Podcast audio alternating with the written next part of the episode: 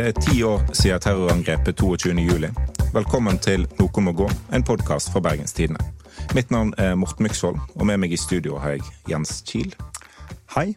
Og som eh, gjest hos oss i dag så har vi deg, Lubna Jafri. Du er eh, fungerende byrådsleder her i Bergen for Arbeiderpartiet. Og får vi si eh, evig AUF-er. Absolutt evig AUF-er. En gang medlem av AUF, alltid medlem av AUF. Ja.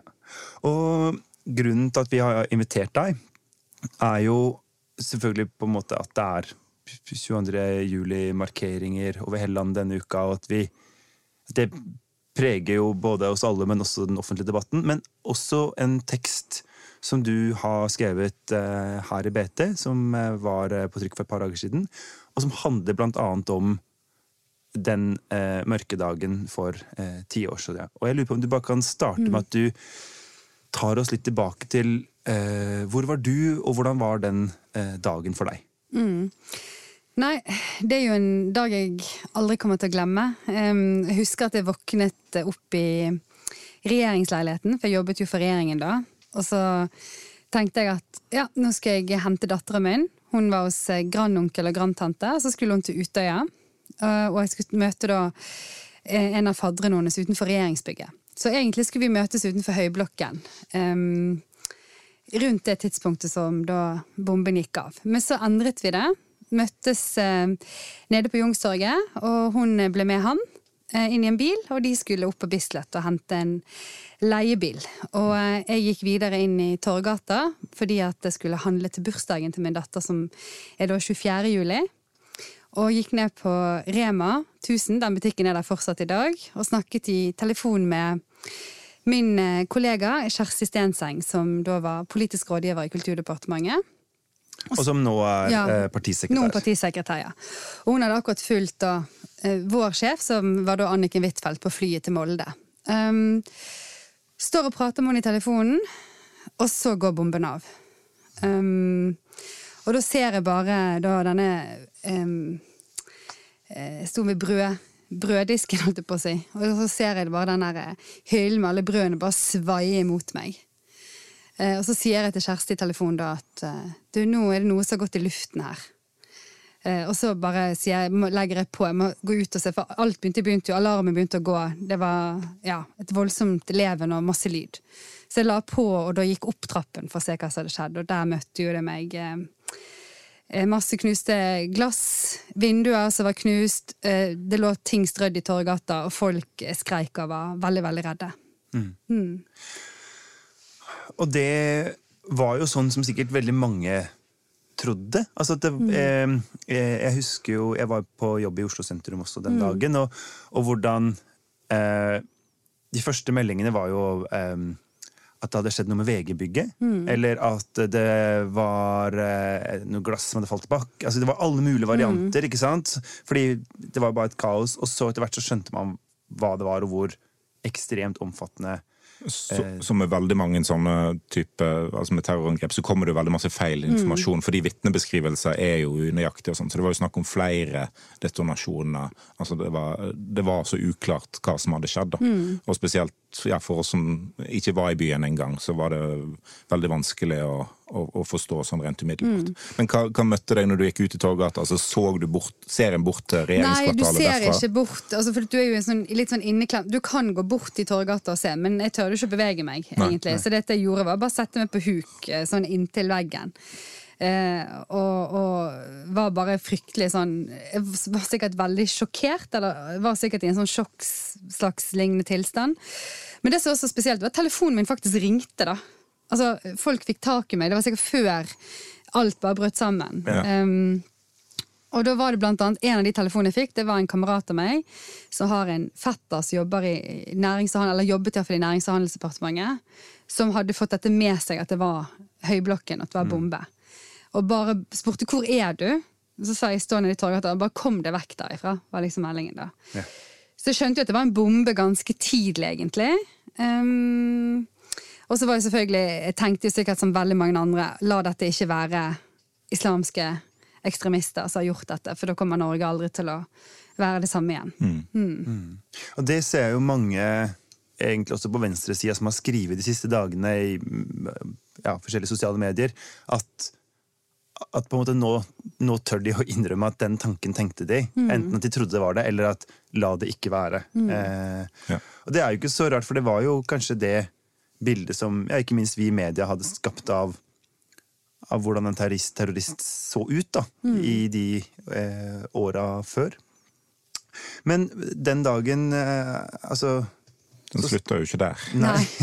Det, altså, dessverre er jo dette bare mm. starten. Det er jo bare starten, og det er det jeg skriver i den teksten også, at dette er det minst dramatiske som skjer med den dagen. Mm. Um, selv om når vi snakker om noe, så høres det superdramatisk ut, og det var jo selvfølgelig dramatisk. Altså, så, det er jo ja. da åtte mennesker som mister livet ja, i den, mm. eh, den bombe, ja. det bombeangrepet. Og veldig mange som blir skadet.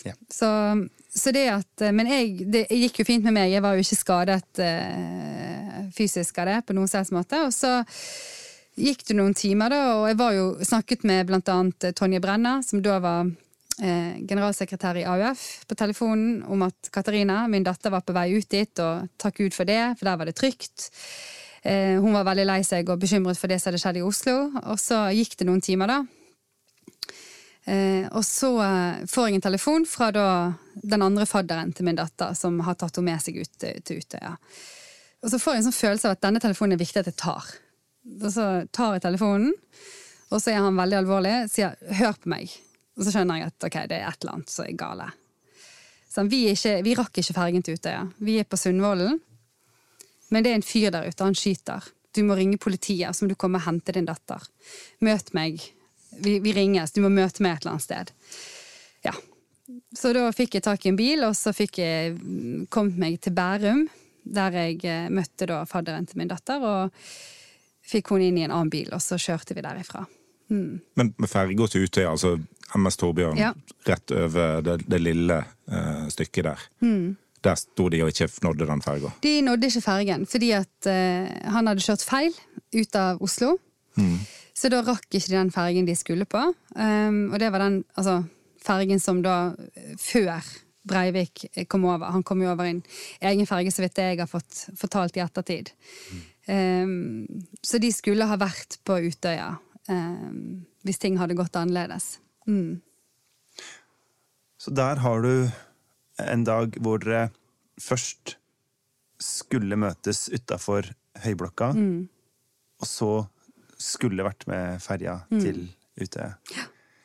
Hvordan eh, prosessere en det i ettertid. det, det er på en måte så mye at det er ganske, ja. det er ganske voldsomt. Nei, altså jeg tror at det har tatt meg mange år å prosessere det. Altså jeg tror liksom først, altså De dagene etterpå så var det bare sånn Du var bare sånn i sjokk, og du bare Du var jo ufattelig glad for at Altså jeg var jo veldig glad for at ikke min datter hadde vært på Utøya når alt dette skjedde.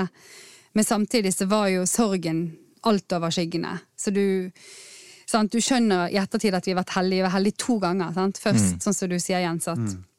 først møtes vi utenfor Høyblokken, og så at de ikke rekker fergen. Um, så det er jo Det setter jo selvfølgelig ting i et perspektiv, og, og, og datteren min var jo bare to dager fra å bli syv år. Så det er jo det er, det er ganske sjokkartet å tenke på i ettertid, ja. Mm. ja.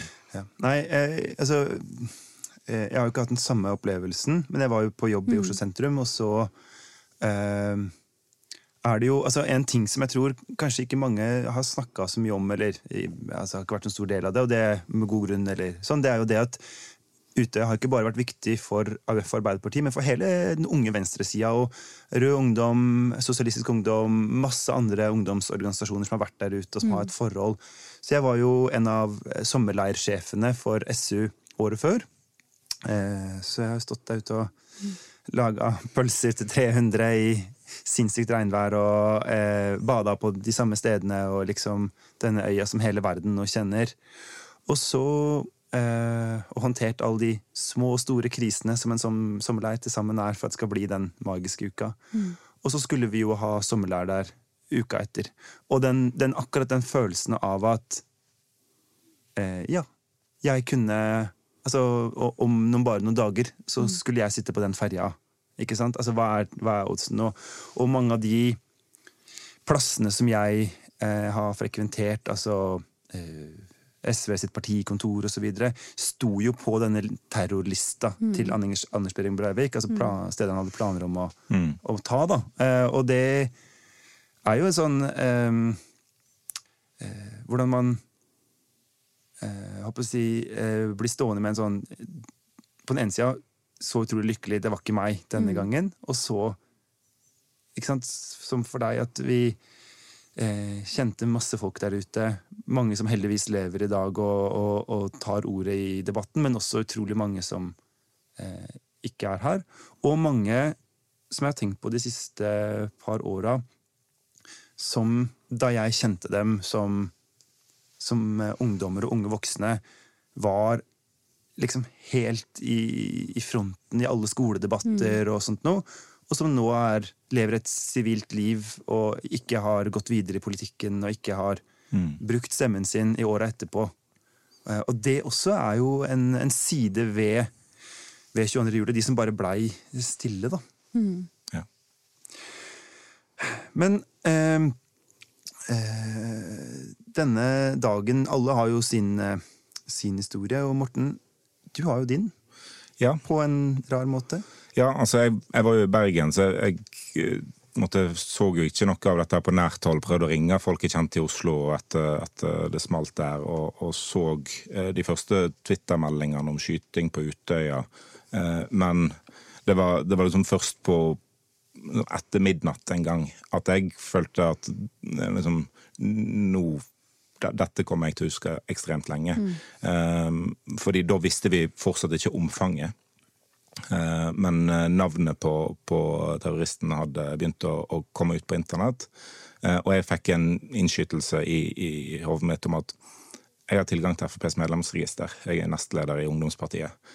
Jeg, jeg, jeg søker han opp. Jeg søker opp det navnet, og, og fant den. Mm.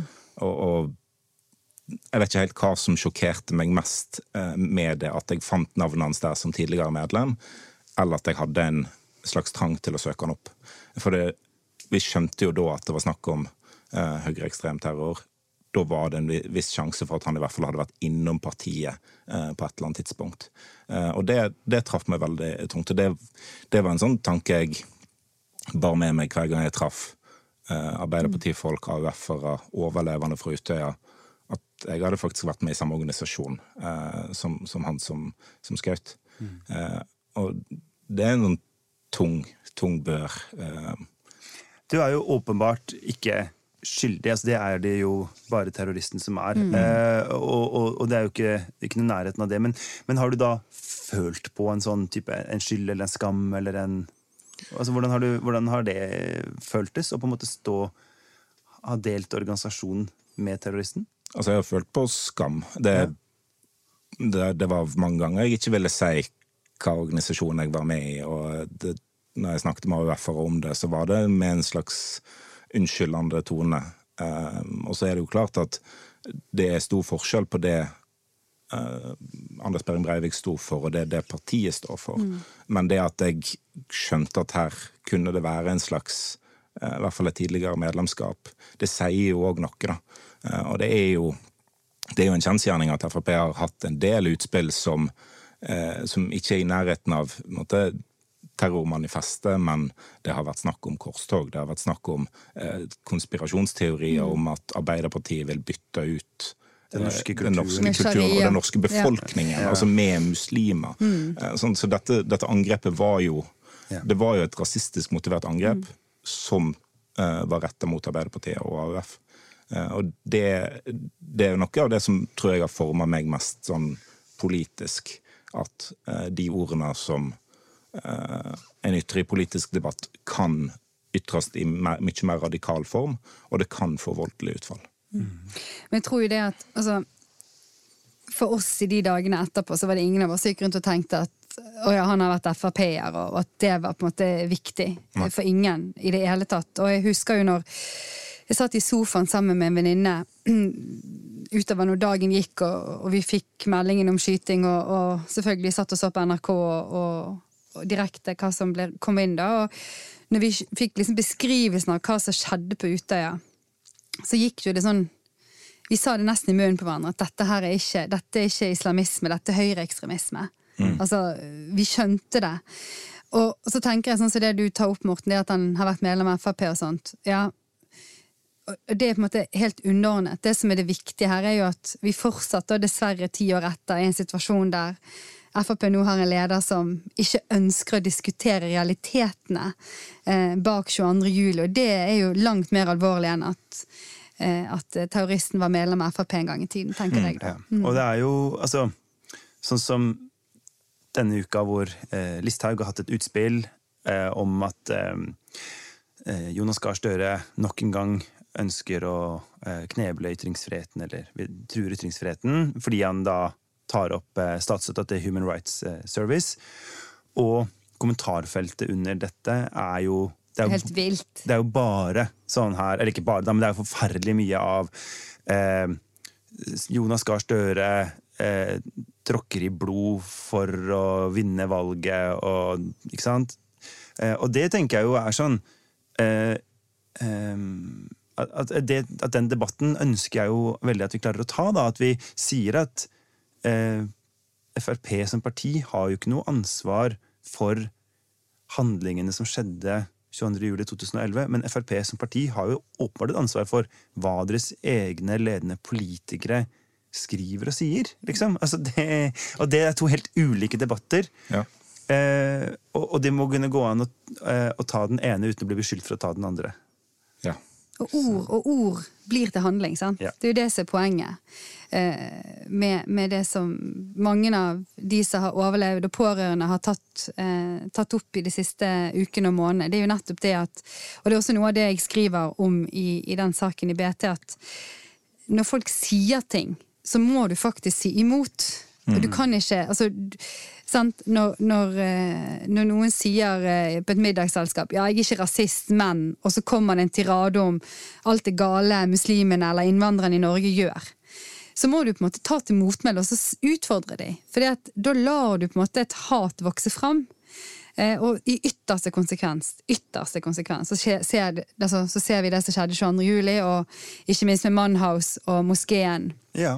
noen år etterpå. ikke sant? At ja. Eh, det er, Folk hører og ser, og så gjør de ingenting. Mm. Og så er det jo veldig mye som skjer som er dårlig eh, i Norge hver dag, og som er langt under nivået for terror, ikke sant? men som er eh, Eh,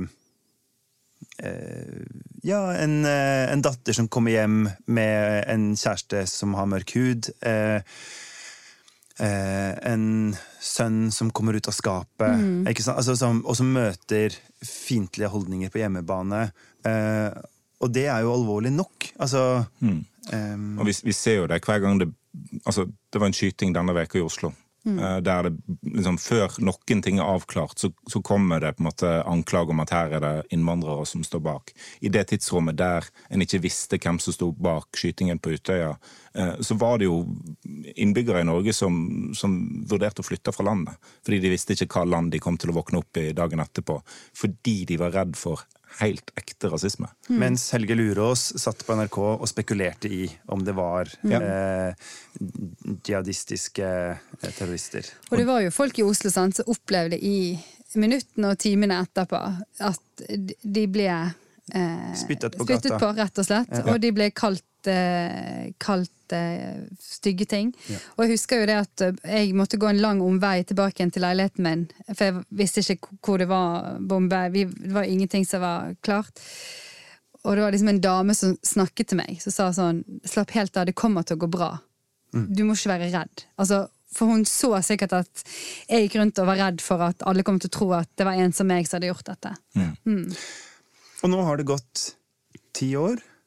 Uh, og i hvert fall jeg tenker at den debatten som vi ble enige om for ti år siden å ta, eller det store oppgjøret vi ble enige om å ta med eh, høyreradikale og høyreekstreme krefter, det har vi bare ikke tatt i Norge. Altså, eh, når vi spiller inn dette, så er det tirsdag.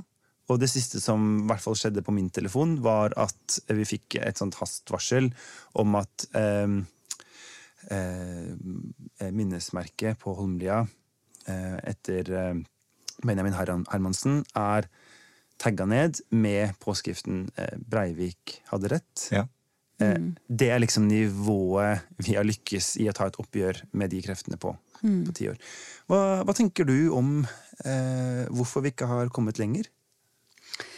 Åh, ja. Em, det er sikkert mange grunner til det, og en av grunnene er nok det at, sånn som du sier, at vi eh, tok ikke noe oppgjør. Vi eh, la bånd på oss sjøl. Eh, vi tørde ikke å si hva var det som egentlig skjedde den dagen. Det var jo et angrep på Arbeiderpartiet.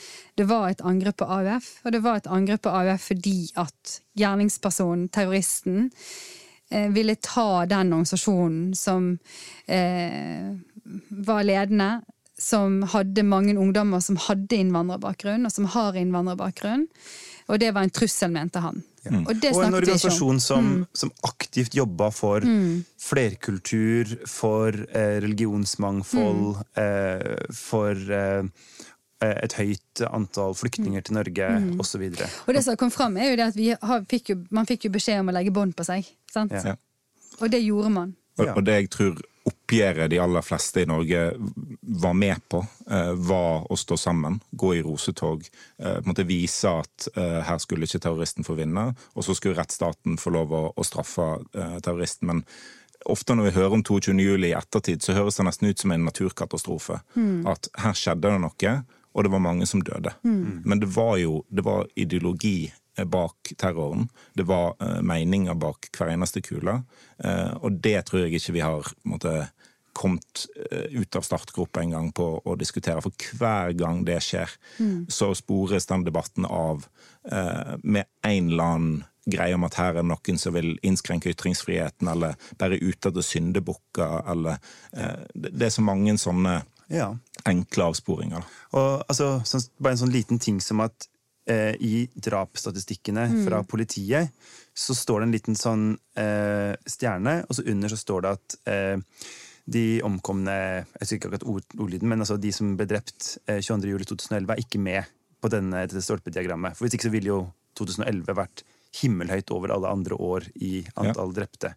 Eh, og det gjør jo på en måte at hvis du ser på, det, på den offisielle drapsstatistikken for de siste ti åra, så klarer du ikke å skape, eller får du ikke noe bilde av at det å bli drept av høyreekstrem terror har vært en ganske vanlig drapsårsak i Norge. Ikke sant? Eh, Det forsvinner liksom ut, for at, nei, det er så spesielt, det er noe annerledes, det må liksom behandles Mens for seg. terrorangrepet i Bærum mot moskeen og, og det, det at terroristen drepte søstera si Ja. Hun kommer nok med på den statistikken, for det, det var få nok på måte, til å ikke ødelegge eh, stolpediagrammet. Også tenk på at i ganske lang tid etter det så sa veldig mange til hverandre er mitt inntrykk sånn åh, så bra at det ble et mislykka angrep. Og så er det først det. det Han siste drepte jo søsteren sin. Ile Hansen lever ikke lenger, hun ble drept. Altså, Og det er eh, også en side ved, ved det, da. At, at, hun, at man klarte å på en måte utdefinere henne fra det. At flere kunne vært drept av høyreekstreme i Norge, er ikke en stor trøst, altså. Ja. Nei. Men jeg tenker jo det at det som er viktig, er jo det at ja, vi hadde et rettsoppgjør, og, og det var skikkelig og ordentlig. Og, men det er ikke noen motsetning mellom at det var skikkelig og ordentlig, og at vi kan ta en debatt. sant? Mm. Og det er jo det mange tar til orde for nå, at vi må ta den debatten. Vi orker faktisk ikke å være stille lenger for å si om altså, For det, var et angrep på det norske demokratiet.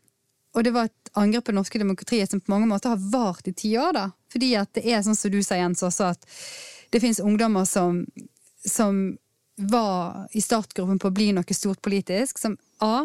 De ble drept. De er ikke blant oss. B. Flere av de som fortsatt som overlevde, de er ikke politisk aktive. Så, så, så man har lykkes i å skremme mange til å være stille, da. Og det ser jo vi, sant. Ja, eh, Benjamin Hermansen sitt minnesmerke, og så det som skjer der, men også i kommentarfeltene og på meldinger og på, i brevsform hjem til folk som er politisk aktive. At man ønsker å kneble de og ønsker at ikke de skal være en del av det politiske ordskiftet.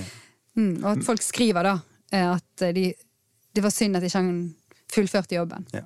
Mens eh, vi i eh, kommentariatet, og her får jeg bare si meg selv inkludert, skriver eh, kommentarer av typen eh, det er påfallende å se at Arbeiderpartiet mislykkes med rekruttering av unge krefter. Mm. Eh, og, og hvor, kommer, hvor blir det neste generasjon med talenter i Arbeiderpartiet? Se til Høyre, de har veldig mange. Og så er det sånn, ja, Mm. eh, Det er noen sånne tekster jeg har skrevet som jeg ikke er så veldig eh, stolt over. At jeg ikke har klart å ta inn det åpenbare. Ja. Eh, det aller mest åpenbare Mm. poenget. Hvor, hvor er de menneskene?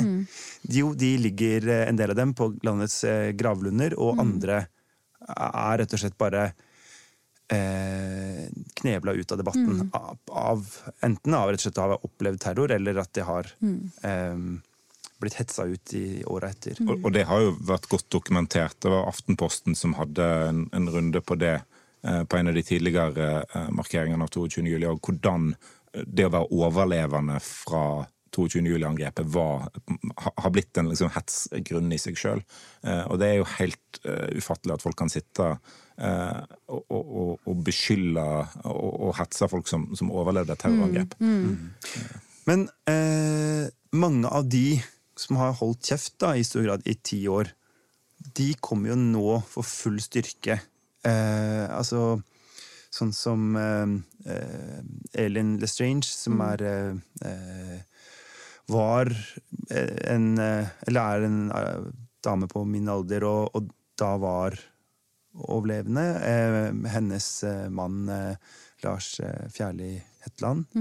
Eh, og som han har jo fortalt noe om å være på MS Torbjørn og, og følt på en sånn vanvittig overlevelsesskam fordi at eh, det å være om bord på den ferja har jo vært på en måte kommentarfeltets eh, favoritt eh, hetsegrunn, da. Ja. Eh, hva, hva er det som gjør at, at så mange av de har vært Eller at de ikke har klart å komme til orde før nå? Er det noen som har noen tanker om det? Eh, Jeg tror det er den altså, konstante avsporingen eh, som, som kommer hver gang noen mener at eh, terroristen hadde ideologi bak seg. Eh, den ideologien er verd å ta et oppgjør med. Eh, hver gang den debatten kommer, så blir folk hysja ned.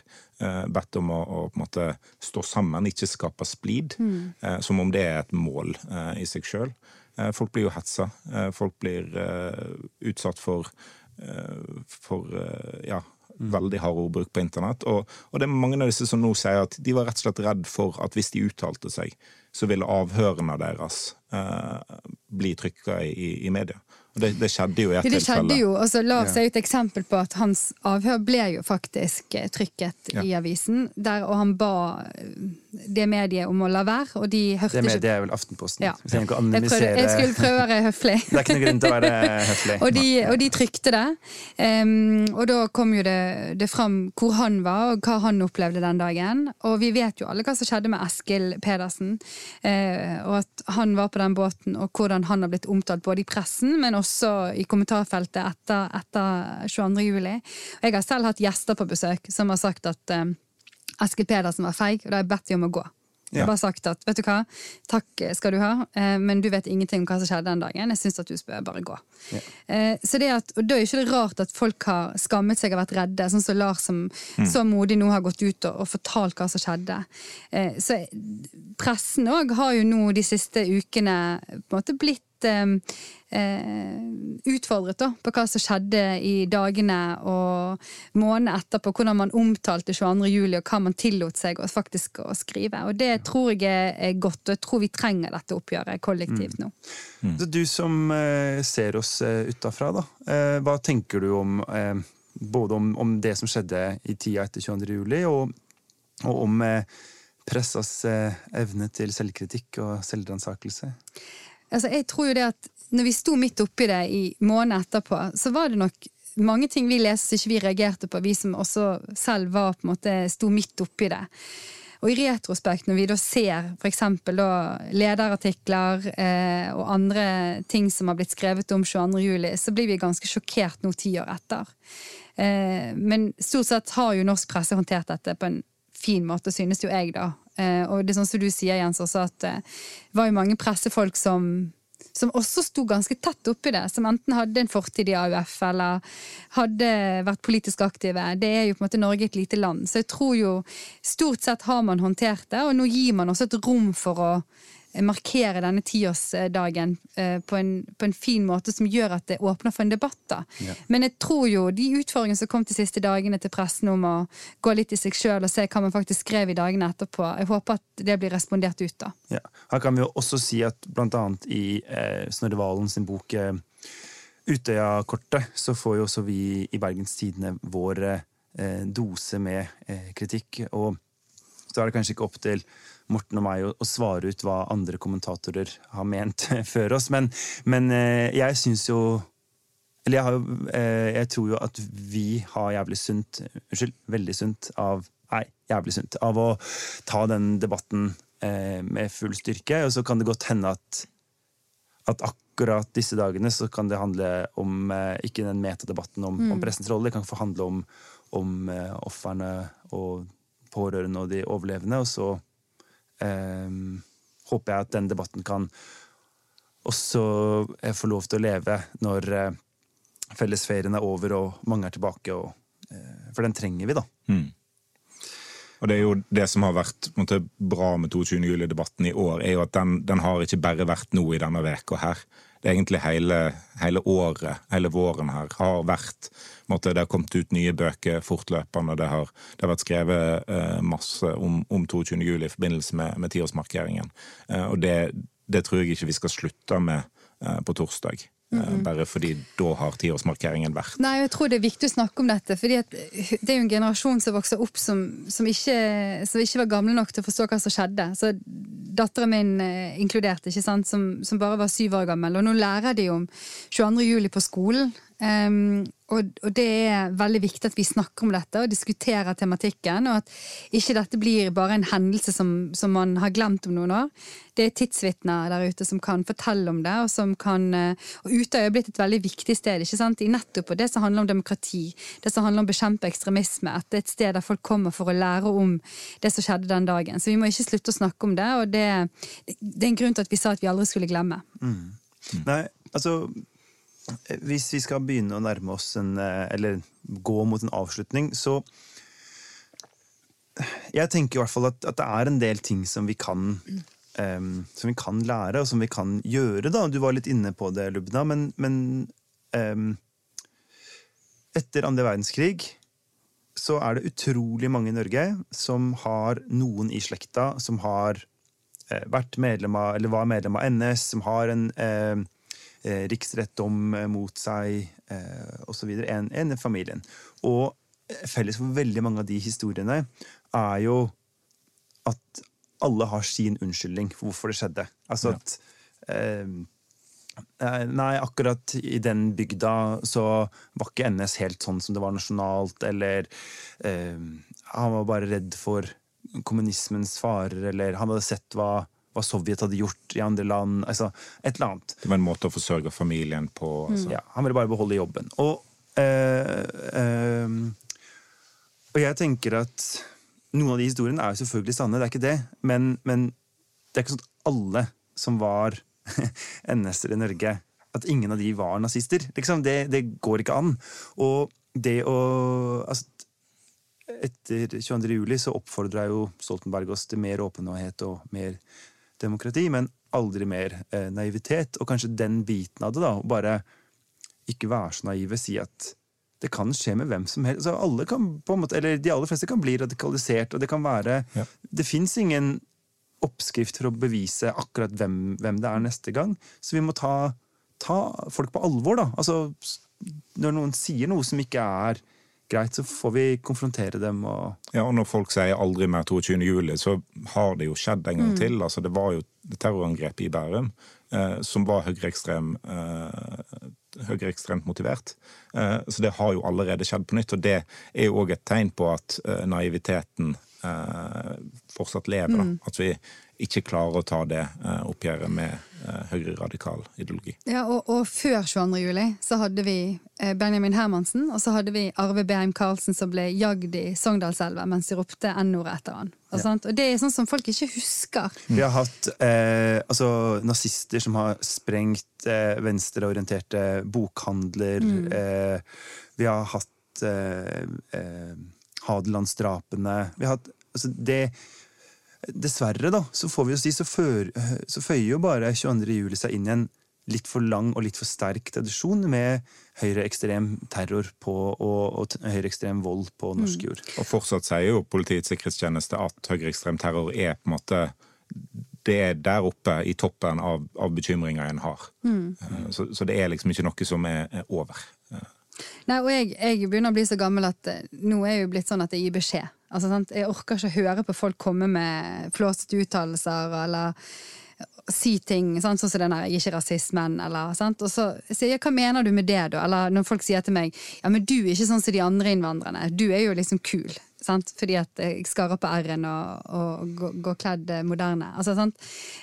Jeg orker ikke det. Jeg tar til motmæle, og, og, og håper at flere mennesker går til motmæle og tar til motmæle og, og, utfordrer folk når de kommer med utsagn som er eh, ekstreme og rasistiske. Det håper jeg virkelig. Mm. Det eh, Har du et eh, tips Hvis, altså for folk som har lyst til å litt, tøffe seg litt mer opp eller bli litt flinkere? eller Eh, til å tørre å konfrontere folk, da. Ja, men altså, spør da, spør åpent spørsmål. Da. Hva mener du med det? Altså, mm. For du trenger selvfølgelig ikke gå i full clinch, sånn som jeg gjør. men, men, men, du velger mer den bergenske varianten? Vel, mer den bergenske varianten, der man går rett på. Men, eh, men, det går jo en sånn Sitter du i hyggelig lag, så er det, blir det ofte diskusjon om politikk. Sant? Så kommer det opp tema, da. Så hvis noen sier noe om at eh, ja, at eh, Nei, du mener at eh, det er for mange innvandrere i Norge, eller mm. altså, Og det er lov å mene det, det er ikke noe i veien med å mene det. Men hvis det begynner å tendere mot rasistisk undertone i det du sier, så må du tørre å stille de åpne spørsmålene. Ja, men hvorfor mener du det? Hva er det du er redd for? Eh, og så videre. Jeg tror at eh, ordskiftet vårt har godt av at folk tør å stille de spørsmålene. Mm. Mm. Det tror jeg også. Ja. På 22. juli så vil det være markeringer over hele landet. Her i Bergen så har AUF i Hordaland invitert til en markering eh, ved Den blå steinen. Den er klokka halv to eh, på torsdag, eh, for de som vil delta på det. Intromusikk det var bergenser Bjørn Torske. Produsent av denne episoden er Henrik Svanevik. Tusen takk for at du ville komme og snakke med oss om 22. juli. Takk skal dere ha.